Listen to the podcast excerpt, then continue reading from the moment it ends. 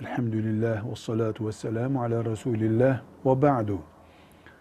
Gerek abdestte ve gerek gusülde, boy abdestinde suyun deriye temas etmiş olması şarttır. Ovma şu şekilde iyice suyun böyle yağ sürer gibi, krem sürer gibi, merhem sürer gibi ovulması şartı yoktur herhangi bir organ mesela kol yıkanırken su kola dökülüp veya çeşmenin altına tutulup her tarafı ıslatmış olmak yeterlidir. Yani şu şekilde yapmak gerekli değil. Suyun ıslandığını yani suyun deriye temas ettiğini anlamış olmak yeterlidir.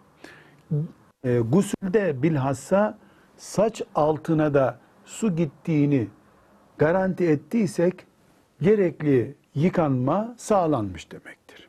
Abdestte de mesela kol parmak ucundan e, dirseklerin arkasına kadar olan kısmın yıkanması gereken bölgedir.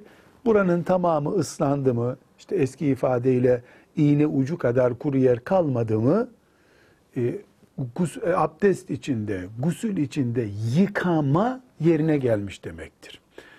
Belki gusülde şöyle biraz daha süngerleme ya da lifle ovmak eftal olur ayrı bir konu ama şart farz olan yerine gelmiştir. Hem gusülde hem abdestte ovmak şart değildir. Islatmak gereklidir.